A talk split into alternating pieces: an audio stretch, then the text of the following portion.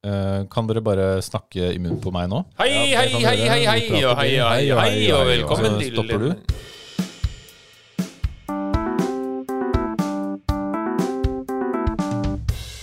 Den gang da. Hei, hei, hei, og velkommen til nok en episode av denne fantastiske historiske podkasten Den gang da. Vi er her nok en gang for å snakke om historie og læreplaner og alt som hører med. Eh, Jeg heter jo Henning Mortensen, og sammen med meg så sitter Jørgen og Hans. Velkommen, velkommen. Takk for det. Hei, Hei, hei, alle. Yes, Jeg sier velkommen som at det er jeg som bor her. Det er det jo ikke. Men eh, jeg, jeg er jo blitt, jeg er jo litt sånn programleder, da. Så jeg Det tar litt programleder, ja. ansvar. Det er, det er riktig. Tar litt ansvar. Ja, det er hyggelig at du ønsker- velkommen. Går det bra med dere? Ja. Ja. Du, du har klippa deg? Jeg har klippet meg i Hanses i hansesveis. Oi, det er kort for de som ikke ser det gjennom podkastmediet. Ja. Det er kort. Men uh, godt observert, uh, og det er veldig befriende å ha lite hår. Ja, for da Ja, Apropos, har du prøvd den manscaped-greia nå, Jørgen? ja da. Ja. Hver dag. Ja, flott. Vi får se etterpå.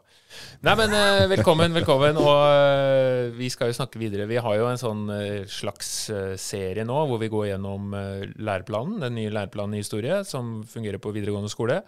Litt for å, ja, egentlig for vår egen del, å prøve å skjønne litt hva det er for noe den spør etter, og litt for dere som eventuelt skal ha bruk for det. Og Ja. også for den eh, mannen i gata, om du vil, som er interessert i læreplanverk eh, eller historie, og hvordan eh, historien skal formidles til den oppvoksende generasjonen.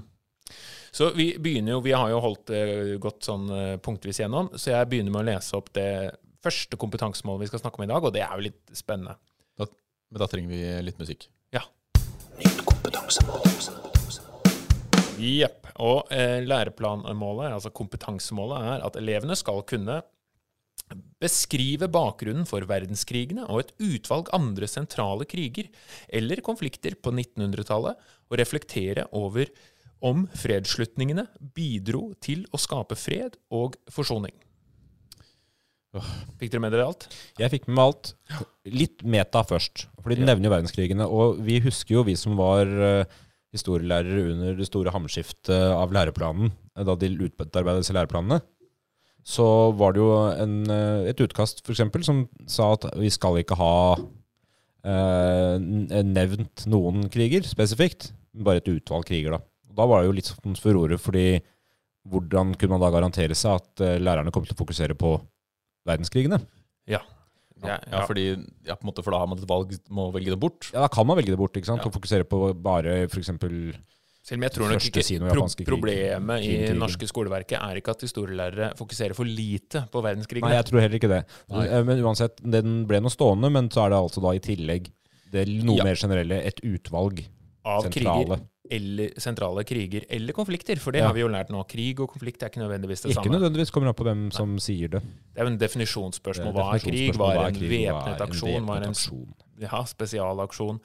Eh, Men, men her står det nå en gang verdenskrigene, da. I hvert fall de. og Og beskrive bakgrunnen for for verdenskrigene. Og da er det jo naturlig å begynne med den første. Ja. Altså første verdenskrig. Ja. Og første verdenskrig har vi jo snakket om eh, tidligere i tidligere episoder, men la oss gå litt sånn, eh, litt sånn grundig til verks. Fordi det man er jo opptatt av der, er jo fra eh, La oss si slutten av 1800-tallet, på begynnelsen av 1900-tallet, så er det jo en sånn periode som, hvor ting går bra for Europa. Rent teknologisk. La Belle Époque. Ja, økonomisk så går det greit. Den flotte Eh, perioden. og dette er jo samtidig med imperialismen, som jeg har nevnt tidligere, hvor, Flott. hvor de europeiske stormaktene egentlig erobrer mye av den kjente verden, og det meste av verden var kjent på denne tiden, eh, så tok egentlig over store deler av verden. Og for europeerne da så opplevdes jo dette som en sånn evig fremgangsperiode. Ja, fra, fra europeisk perspektiv så er dette kjempefint.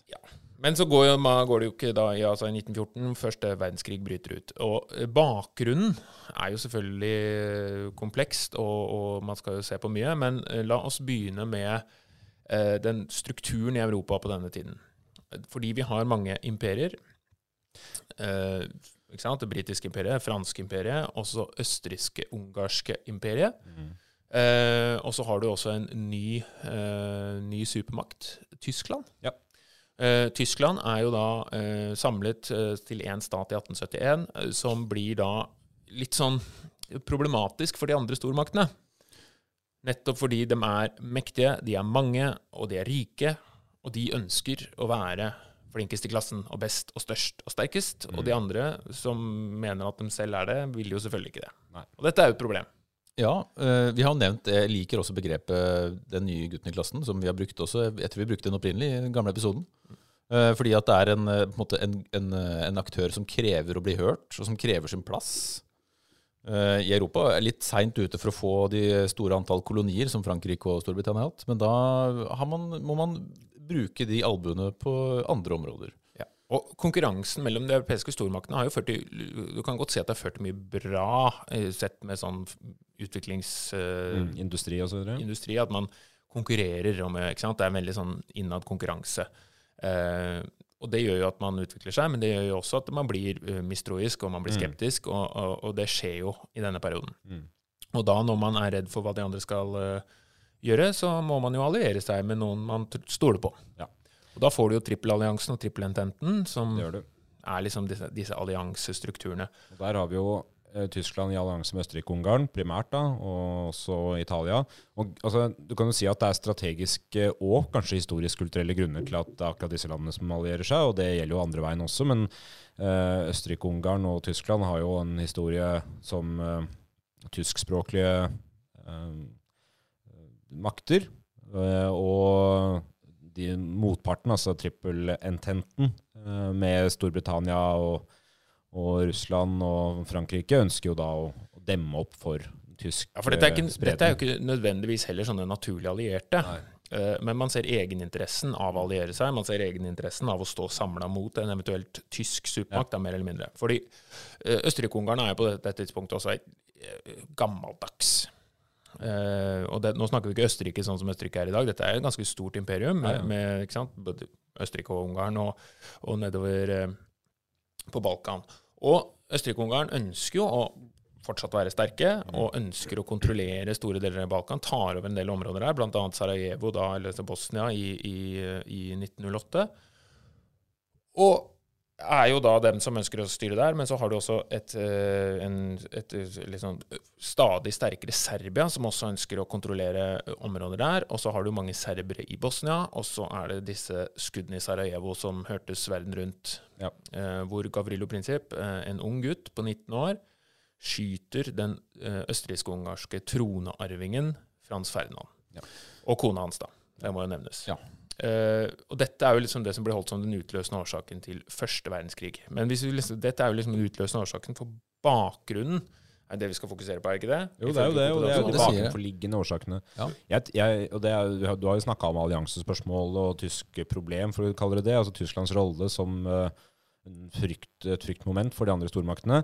Men jeg velger jo ofte å trekke fram nasjonalisme som en eh, bakenforliggende, bakenforliggende årsak bak veldig mye av det andre. Altså, er- Bakenforliggende, Ja, bakenforliggende. altså Den kan ligge bak en del andre bakenforliggende årsaker. da. Nettopp. Så den kan ligge bak maktkampen mellom europeiske stater, den kan potensielt ligge bak våpenkappløp, opprustningskappløp da, og industrialisering kan ligge bak imperialismekappløpet. Sånne ting. Ja, og man ser jo at det er en, eh, både en samlende og en splittende kraft.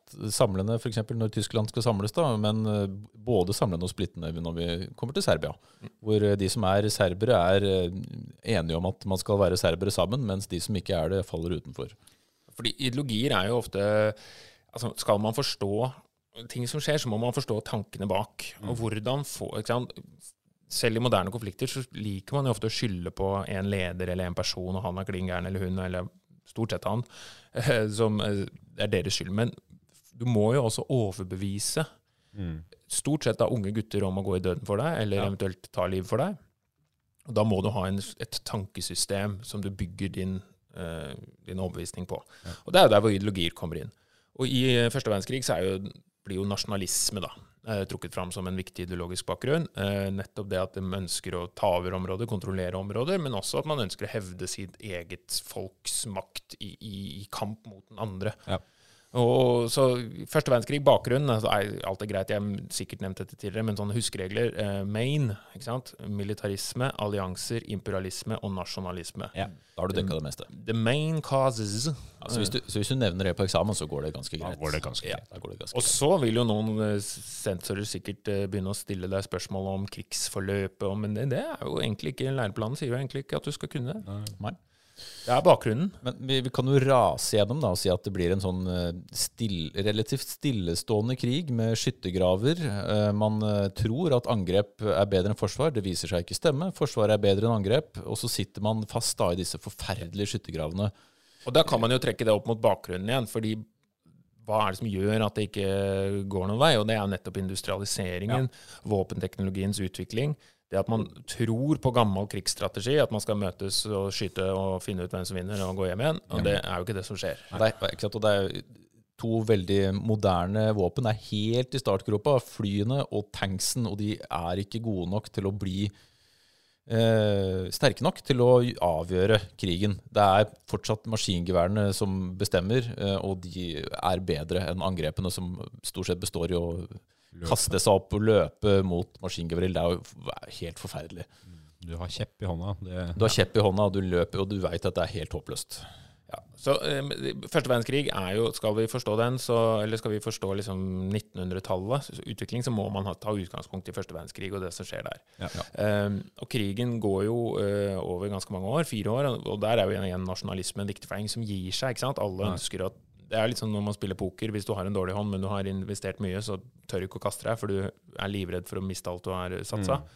Så eh, neste del av kompetansemål, da, for da hopper vi litt dit, fordi vi har mye vi skal dekke, dette det med hvordan eh, fredsslutningene bidro til å skape fred og forsoning, for det er jo liksom sånn skrevet for første verdenskrig. For da, ja, ja. da går vi jo inn i Versailles-traktaten og, og slutten på første verdenskrig. ja. Ja, For det står å reflektere over om fredsslutningene bidro Ja, til å skape fred. Og det, ja, det- det er jo litt ledende, kanskje. Kommer an på når du stiller spørsmålet. Eh, For den bidro til å skape fred umiddelbart. Det- ja. Eh, Det er jo fred eh, 11.11. klokka 11. Og så går det noen år, og så er det ikke fred lenger. Men det er jo fordi konsekvensen av første verdenskrig, eller fredsløsningen etter første verdenskrig, også er en del av årsaken til andre verdenskrig.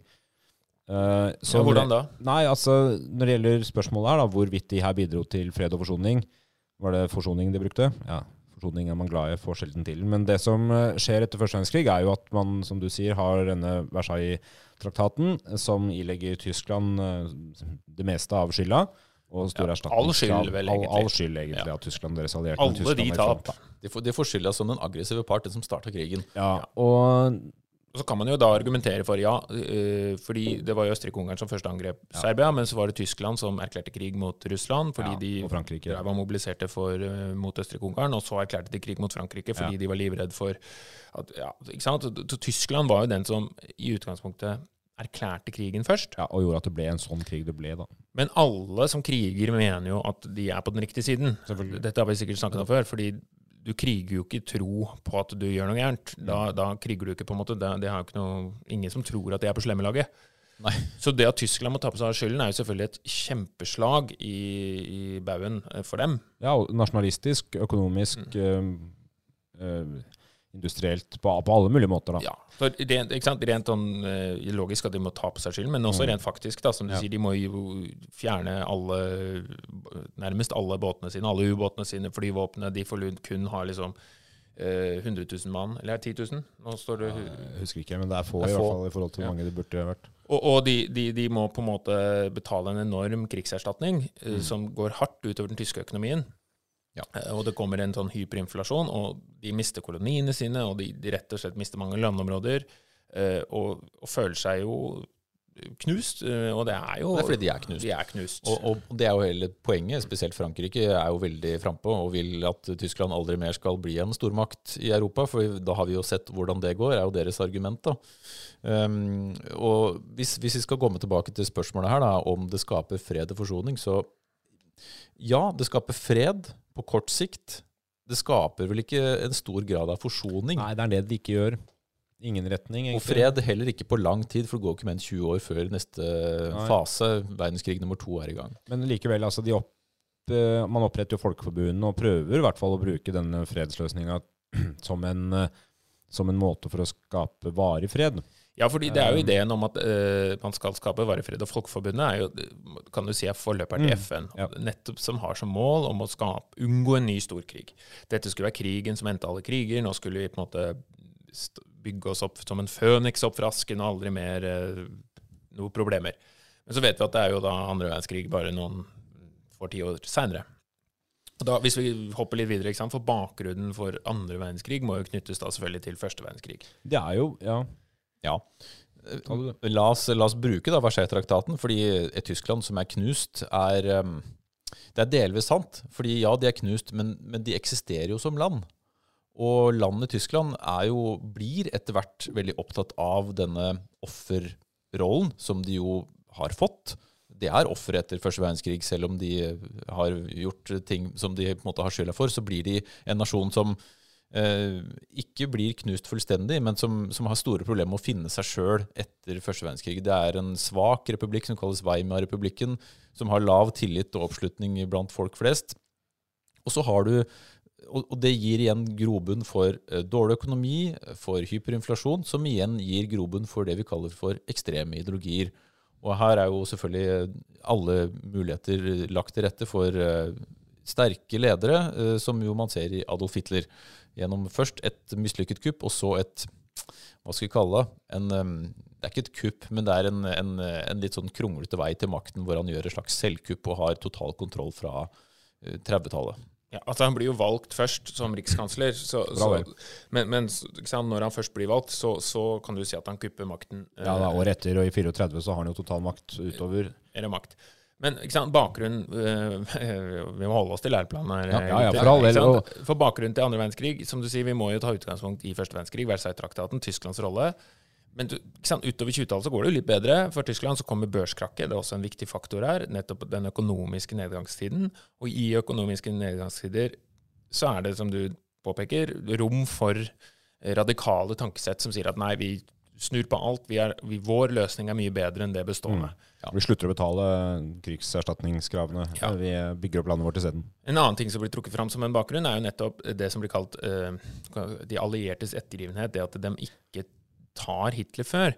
Fordi Hitler Du kan jo riktignok si at ok, han ønsket jo bare å ta tilbake mange av de områdene de hadde mistet. Um, inn i Rhinland først, og så er det liksom en, en anneksjon av Østerrike, og så er det Sudetenland i Tsjekkoslovakia, som er områder som det bor mange tyskere. Det er uh, mange tysktalende mennesker der som også ønsker å være en del av Tyskland. Uh, og så har du denne her polske korridoren, uh, altså den delen som Polen, da den gjenopprettede Polen etter første verdenskrig, fikk, eh, som var en del av Tyskland, hvor den da eh, byen Danzig, i dag Gdansk, ligger, som er jo den utløsende årsaken i den europeiske krigen. Nettopp at eh, Tyskland invaderer Polen. Og egentlig så kan man jo si at dette er jo bare Hitler eller Tyskland som ønsker å ta tilbake områder som de har hatt, eh, hvor det bor tyskere. Eh, men det var jo det som gjorde at de allierte, altså Storbritannia og Frankrike da erklærer krig mot Tyskland. Etter hvert, men de godtar jo en del først, som du sier. da, og Det her er jo igjen sammenheng med første verdenskrig, fordi erfaringene fra den krigen tilsa at eh, her er vi nødt til å holde litt igjen og ikke haste sånn inn i krig som vi gjorde sist, fordi det fungerte ikke. Det, det ble for mye krig, og peace in our time ble liksom mantraet her. da, At vi, vi, vi kan heller være litt rundhånda nå, og så prøver vi å unngå den samme krigen en gang til. Men eh, det klarte Det klarte de ikke. Nå skal det jo også sies at Tyskland her ikke er alene. De har jo allierte, de òg. Italia eh, har jo sin fascisme, eh, og Japan har eh, sine imperialistiske og nasjonalistiske holdninger, som gjør at eh, du får en allianse der da, som Ja, også også- gjør at krigen blir som den blir. Ja, og så går, så går de jo inn i allianse med Sovjetunionen like før eh, angrepet på Polen. Så de har jo, eh, de har jo gjort, gjort Hva skal jeg si eh, De har lagt til rette for sin egen krig, da, Ja. på mange måter. For dette er jo også fra 1917, og, eller fra etter borgerkrigen, så blir jo da uh, Russland blir til Sovjetunionen, som er jo da en kommunistisk stormakt, som i øst også er en trussel for veldig mange i Tyskland, for veldig Mm. mange i Europa generelt, som frykter kommunismen, og, fryk Ja. og hva kommunismen fører med seg, og den politiske undertrykkelsen det fører med seg. Den gang da. Så dette er jo et sånn landskap hvor det er mange som skriker høyt. Mm. og så er det jo da, hvis vi, nå, skal jeg, nå skal jeg gjøre et triks her, for da skal vi trekke oss inn, inn i neste kompetansemål. Som går på å utforske en persons handlingsrom og valgmuligheter i en konfliktsituasjon, og Ja. vurdere konsekvensene av valgene personen har tatt. Nei, skulle du ha jingle, forresten? Ja, Men den er allerede lagt på, da. Oh, ja, ok. Ja. Jeg tar det en gang til for allikevel. Utforske en persons handlingsrom og valgmulighet i en konfliktsituasjon, og vurdere konsekvensene av valgene personen har tatt. Flyter. Grunnen til at jeg vil litt inn på det nå, er jo nettopp det at enhver krig det, det fremstår jo kanskje i ettertiden som uunngåelig, men enhver Mm. krig er jo et valg. Ja, ja. Og eh, Når det kommer til andre verdenskrig, så er det veldig lett fordi eh, nazismen var så brutal og fæl og Ja. eh, rasistisk og motbydelig at det å stoppe dem eh, fortoner seg som veldig eh, naturlig. I hvert fall i ettertid. Ja. Ja. Eh, ja. Ja, i ettertid. Fordi eh, eh, hvis du ser litt også historien, den britiske, imperialismen er jo ikke noe veldig Nei. fin. Det var ikke sånn at det å ta over nye områder var noe nytt som tyskerne hadde funnet opp og opplevde som helt brutalt og forferdelig. Det var ikke fravær av sosialdarwinisme og rasisme og nasjonalisme der heller. Så. Nei. Og i Amerika med segregeringen og så, så det er veldig lett gjort å male sånn det gode mot de onde. Og jeg sier ikke at nazistene ikke var onde, fordi det var mange andre som også var det. ja, Ja. at historien har en uh, tendens til å skjønnmale og Mm. rosemale Noen uh, ja. Og veldig avhengig av hvem som skriver historien. Ja.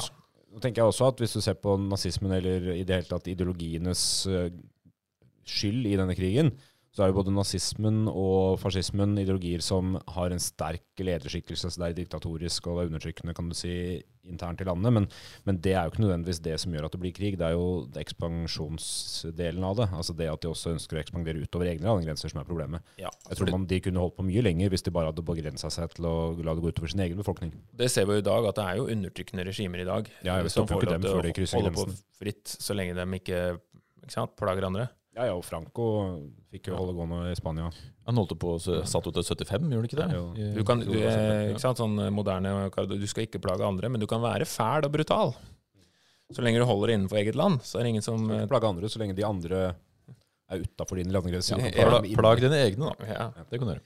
Eh, Men fordi ikke sant? Fordi krigen går sin gang, og bakgrunnen her er jo altså, mye knytta til første verdenskrig. I hvert fall den europeiske delen av, eh, av andre verdenskrig.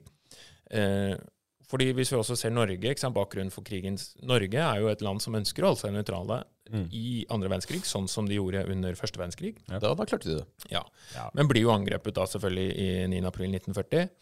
Og det er jo også rent av geopolitiske grunner. Det at Norge har en kystlinje, vi har jernmalmtransporten fra Narvik. Også på en måte at Hitler så for seg at Norge sånn ideologisk sett, at Norge kunne jo bli en del av det nye store ariske Ja. storriket.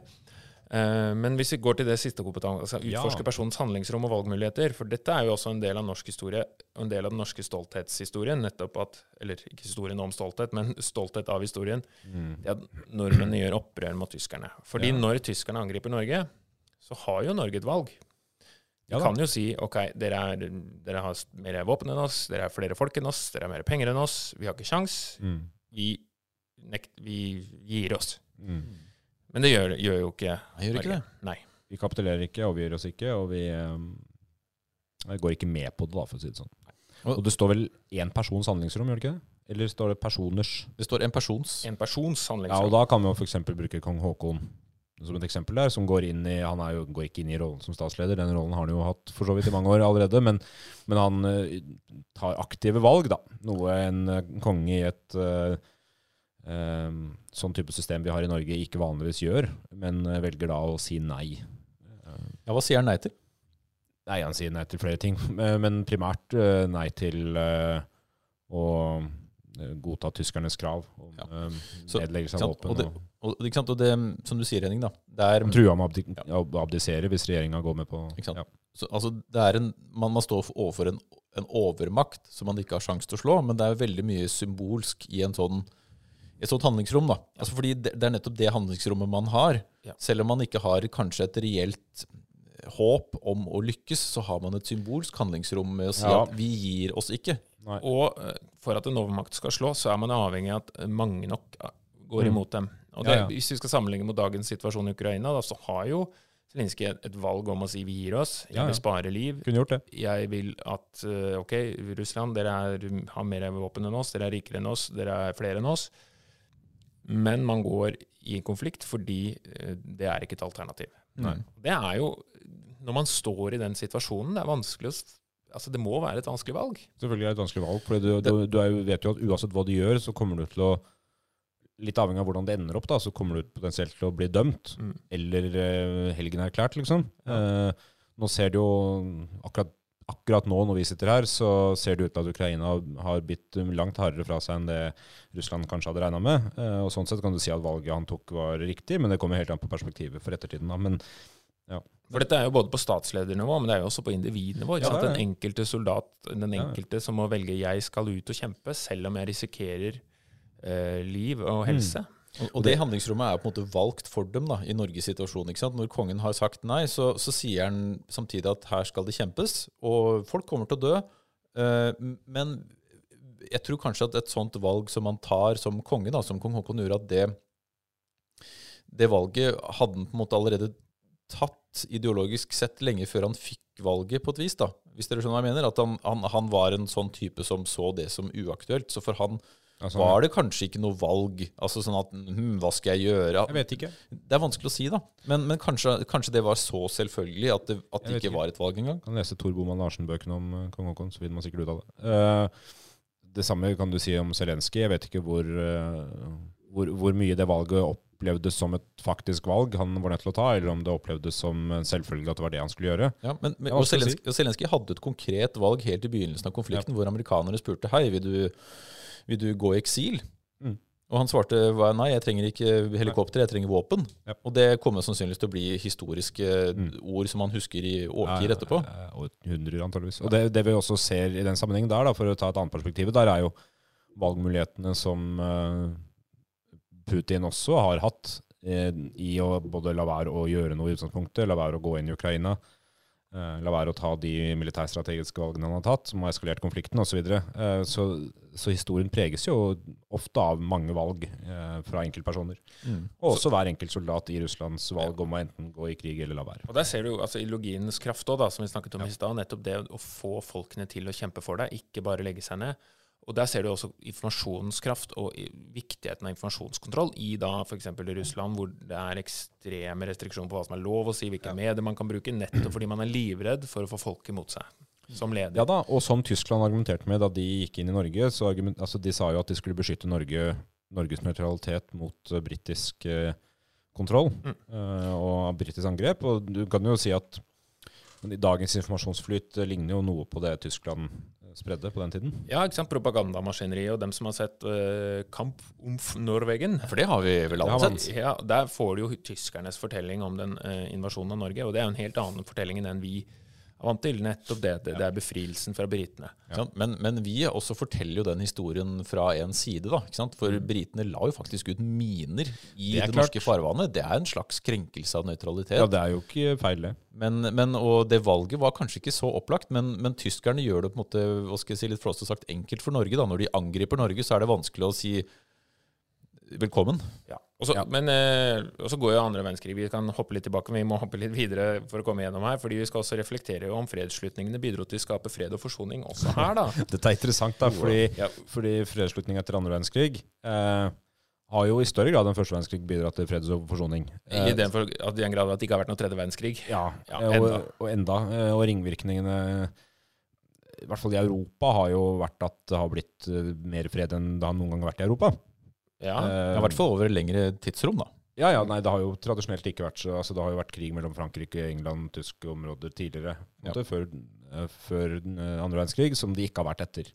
Ja, så kan man jo si at ok, man hadde lært av første verdenskrig og Versailles-traktaten å ikke knuse Tyskland så eh, ned i støvlene. Ja, Men de gjorde jo det. De delte jo enda mer. Man, de, man delte jo opp Tyskland Ja da, og man Eh, dem jo. Men, i eh, liksom ulike okkupasjonssoner, og de eh, allierte slo sammen sine. Man fikk Øst- og Vest-Tyskland. Så Tyskland som stat ble jo en, en todelt det, del. Eh, det ble to forskjellige etter andre verdenskrig.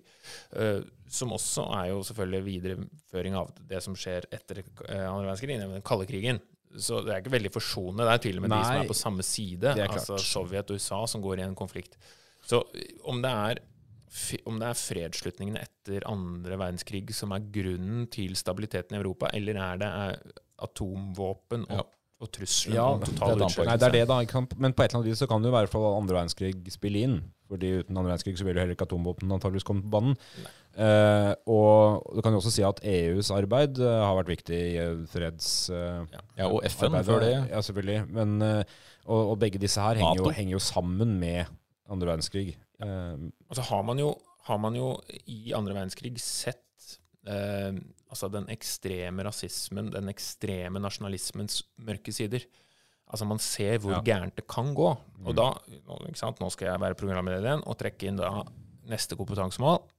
Nytt Fordi det neste kompetansemål i læreplanen som vi skal eh, ta for oss, lyder som følger. Reflektere over hvordan ideologier og tankesett på 1900-tallet og fram til i dag har bidratt til undertrykkelse, terror og folkemord som holocaust. Som f.eks. holocaust. da. Ja. Det er jo det som er eh, ja.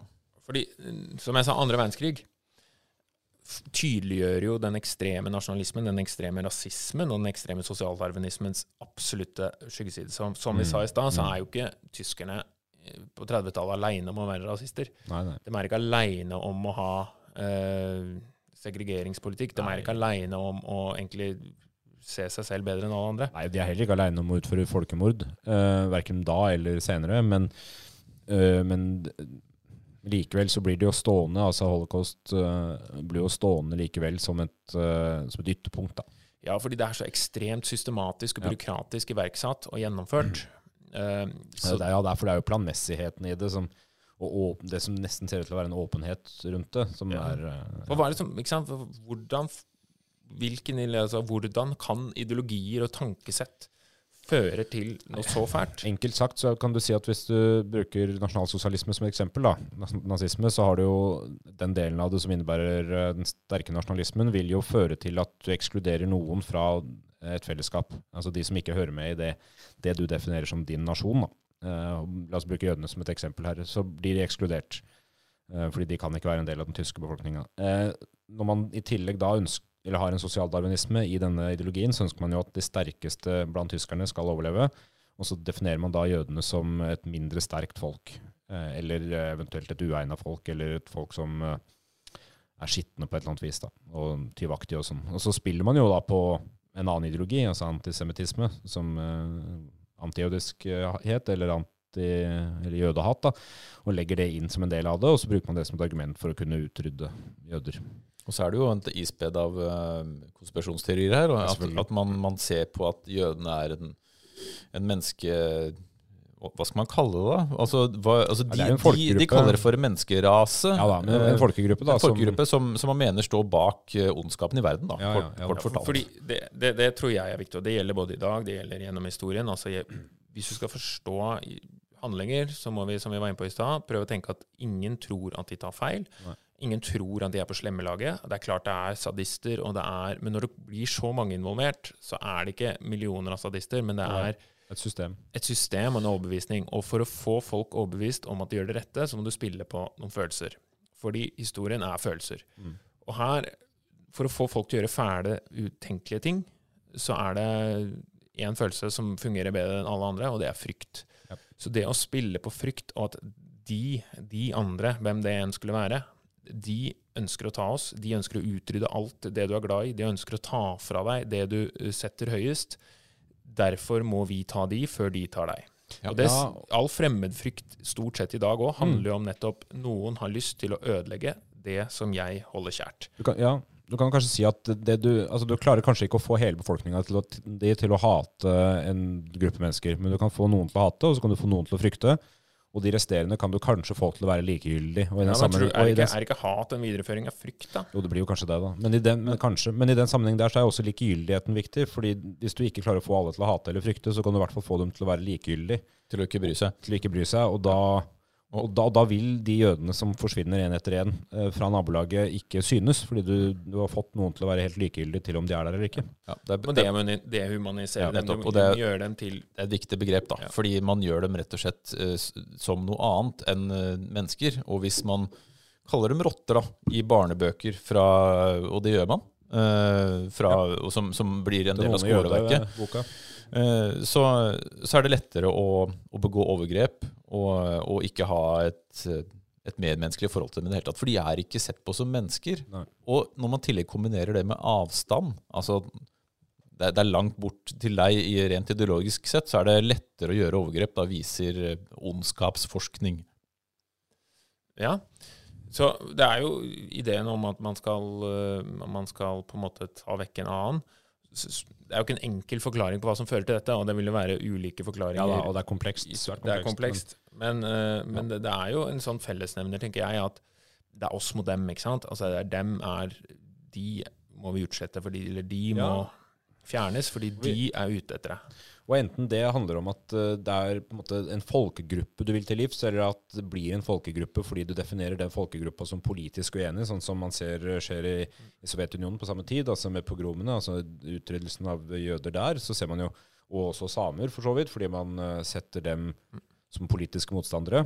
eh, og tilskriver dem meninger og holdninger som var imot regimet, og derfor dreper man dem. Det, det, det er jo mye av det altså, Årsakene kan være litt forskjellige, men konsekvensene er det samme. Men der kommer vi inn på den altså fred og forsoning, da, om, om fredsslutningene bidrar til å skape fred og forsoning. For her har jo eh, Tyskland da, har, har jo hatt en, en kamp i ettertiden, altså av nazifiseringen, det å, å forsone seg egentlig også med sin egen fortid. Mm. For hvordan være tysk i dag, Ja. og hvilket forhold kan man ha til historien sin, hvilke forhold kan man ha til nasjonaliteten sin, hvilke forhold kan man ha til landet sitt. Ja, og tyskerne har vel, hvis vi ser på Tyskland i dag, da, så har jo Tyskland lykkes ganske godt med å, med å i hvert fall ta et oppgjør med sin egen fortid og, og forholde seg til det. De var flinke. Det har ikke vært en lett jobb. Så det er, det er ikke noen hemmelighet, det som skjedde, og det er ikke noe som fornektes av, eh, av Tyskland som stat. Nei, og det er viktig. Ja, det er viktig, for det Ja. ser vi jo hvis, det blir jo trukket opp å trekke sammenligningen til Putin igjen. Nettopp at eh, i Sovjetunionen, eller i dagens Russland, så har man ikke hatt denne eh, oppgjøret med sin egen Nei. fortid. Eh, fordi Sovjetunionen sto på Stalin, for ikke sant, sto jo, overfor, sto, jo, sto jo for enormt mange overgrep, eh, og også da eh, på, mot det ukrainske folket, hvor ideologier der kan nærmest ses som et folkemord, altså sultkatastrofen, sultkatastrofen i Ukraina på 30-tallet, hvor millioner av mennesker sulter, rett og slett fordi sovjetiske eh, kommissærer og politiske embetsmenn kommer og tar fra dem all maten, all kornet, fordi det, de på papiret skal produsere og levere så mye korn, men så har de ikke så mye korn. Nei. Men de må gi fra seg kornet og rett og slett sulte i hjel. Eh, og det er jo også, kan jo klassifiseres som et folkemord. Selvfølgelig, fordi du kan si liksom, hvis du ser lett på det, så kan du si at det er feilslått uh, agrarpolitikk, men det, men det handler jo mer om at du, du bare bryr deg ikke om de menneskene du tar det fra. Nei.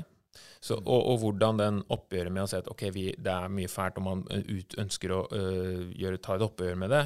Mens i Russland skjer det mye av det motsatte, hvor det, det, det blir forbudt å, å snakke negativt om en egen historie. ikke sant? Det blir Ja. forbudt å, rett og slett kritisere tidligere ledere og den type Ja. historiske øh, oppvask. Vi, Som, vi, vi ser det jo er nå, viktig. da, i Putins argumentasjon for å gå inn i Ukraina, som jo innebærer at han skal stoppe nazifiseringa. Ja. Uh, så, som han går inn i liksom den, den rollen Russland hadde under andre verdenskrig, altså stoppe nazistene. Og det er jo det nobleste av det noble som europeere har gjort sammen. Så derfor eh, spiller han på den gamle retorikken, og det, blir- det blir mye av den samme hate.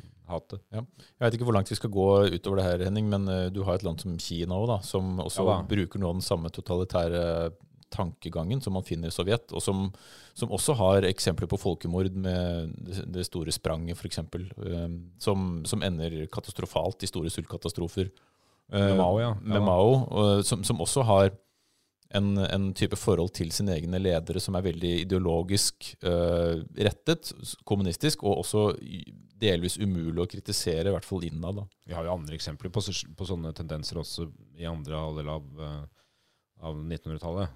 Du hadde Røde Khmer og Pol Pot og altså, hele Mm. gjengen der som altså, Det er mye, og vi trenger ikke å Vi kan dra til Afrika eh, og se eksempler på folkemord der pga. både ideologi og politikk. Så, så det er klart at eh, det er ikke det mankerer ikke på eksempler, i hvert fall. Ja, du kan gå til 90-tallet og Afrika og Ja. Rwanda f.eks. Det, det finnes, altså, og, og det som er fellestrekket med de her, er jo at man Jugoslavia. ja, Jugoslavia, at man, at man, man, man degraderer andre mennesker og setter dem i bås, og så, og, og så gir det dem eh, en slags rett til å begå, begå overgrep. Og det, det er et viktig poeng her er at ideologier i alle retninger av den politiske, på den politiske skalaen har bidratt til dette her, hvis de blir ekstreme nok. Ikke bare eh, ytre høyre, men også ytre venstre ideologier. Så, så man har en åpenbar ideologisk problem, da.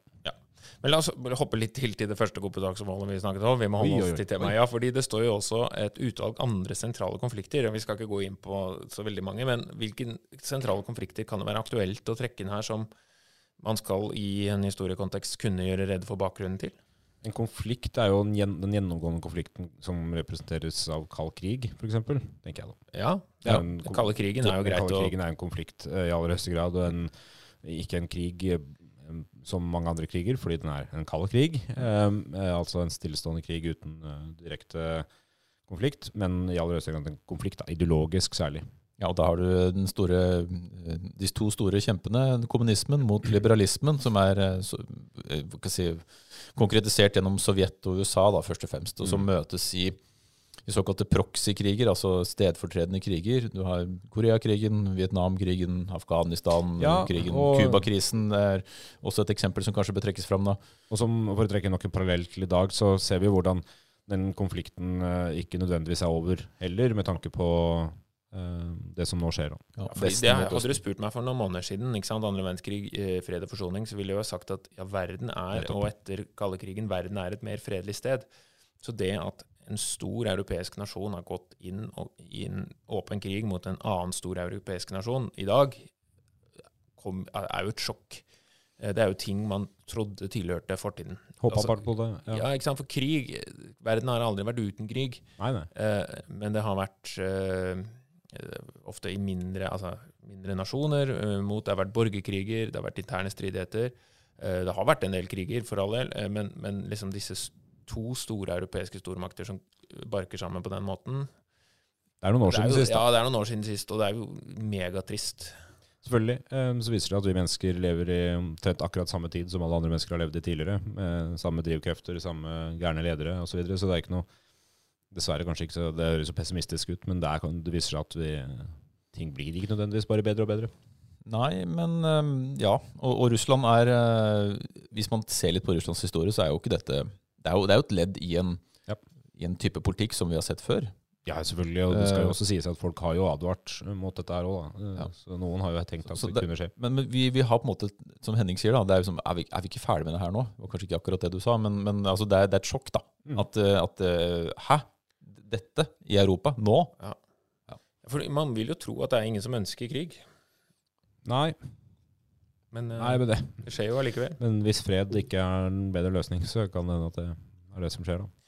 Men uh, vi må gå videre. Jeg tenker at vi skal avslutte på en litt uh, lystig tone. Det har vært heavy, Ja, det tungt ble, stoff. ja, For, det er tungt stoff. Men historien er ikke alltid, alltid, alltid glad. Nei, sånn ofte- er det bare. ofte ikke, og ofte ikke ikke. samtiden heller, dessverre. Men uh, du, vi går videre til uh, Er det sant? Ja, er det det?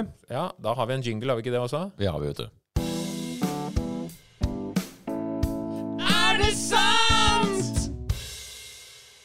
Åh, det er en nydelig jingle. Kjempefint. Da er det deg, Hans. Du er eh, spalteansvarlig for Er det sant? Takk for det. Kjør i, kjør i gang. Takk, Honning. Uh, og Ikke er det sant Unnskyld, Henning. Jeg, jeg sliter med Ja, ri- eh, altså, Henning rimer ikke på Honning. Nei, jeg har, Det ligner, nei, da. Det Ja, det ligner, ja. Jeg, bare, jeg, jeg driver en del med omlyd pga. Ja. dialekta mi. Uh, ja, det handler om andre verdenskrig. Uh, Så lystig, altså. Ja, nei, ja, ja, men dette er litt artig, da. Og da Polen. Uh, jeg var nemlig i Bjørneparken i Flå. Det er, lystig, det er lystig. Det er artig at den heter Flå, for øvrig. Eh, Ja. For du skal jo ikke selge skinnet. Morsomt. Eh, og uansett. eh, da kom jeg til å tenke på en potensiell eh, fun fact eh, til dere, som dere kan vurdere om er sant eller ikke. da. Det er så Ja. disse bjørnene. Og det er Ble en bjørn utnevnt til korporal under andre verdenskrig? Ja. Jeg tør ikke å få ja, jeg. Ja, ja. En russisk bjørn må det jo være. Russisk bjørn. Russisk bjørn. Store russiske Ja. Eh, ja, nå er svaret todelt, da. Fordi svaret er ja, men ikke russisk. Nei. Det var en polsk bjørn. Så det var Eh, ikke mulig å svare riktig på det? Jo, det var det. Ja. Eller det var kanskje en russisk bjørn, jeg vet Ja. ikke. Men det var det polske forsvaret, i hvert fall under annen verdenskrig, så har du altså soldatbjørnen Wojtek, som ble utnevnt til korporal. Du verden. Det hadde ikke vært, hadde ikke vært gøy hvis jeg hadde hatt mer fun facts om den bjørnen. Men du, jeg lurer på om jeg lagde en, jeg eh. Jeg lagde en powerpoint om den bjørnen en gang. Ja. Hvorfor det? Ja. Nei, fordi jeg, jeg, Da du underviste på Bamseakademiet? Nei, jeg, jeg, jeg, jeg skal finne den, og så skal jeg glede dere med den etterpå. Trenger ikke det. Nei.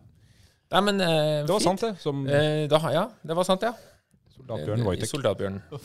Men da har vi kommet oss gjennom en litt tung del av læreplanen, men også en viktig en, og for veldig mange faktisk en interessant en. Andre verdenskrig og første verdenskrig, og Det si. det, er alltid ting så det er som mange liker.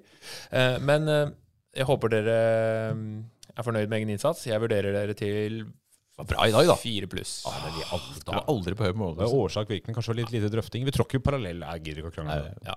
greit, da. Nei, men det var, Nå- det var ja. fint. Nei, men du har helt rett. Du er lærer, jeg stoler på deg. Ja. Da sier vi takk for nå. Ha det bra!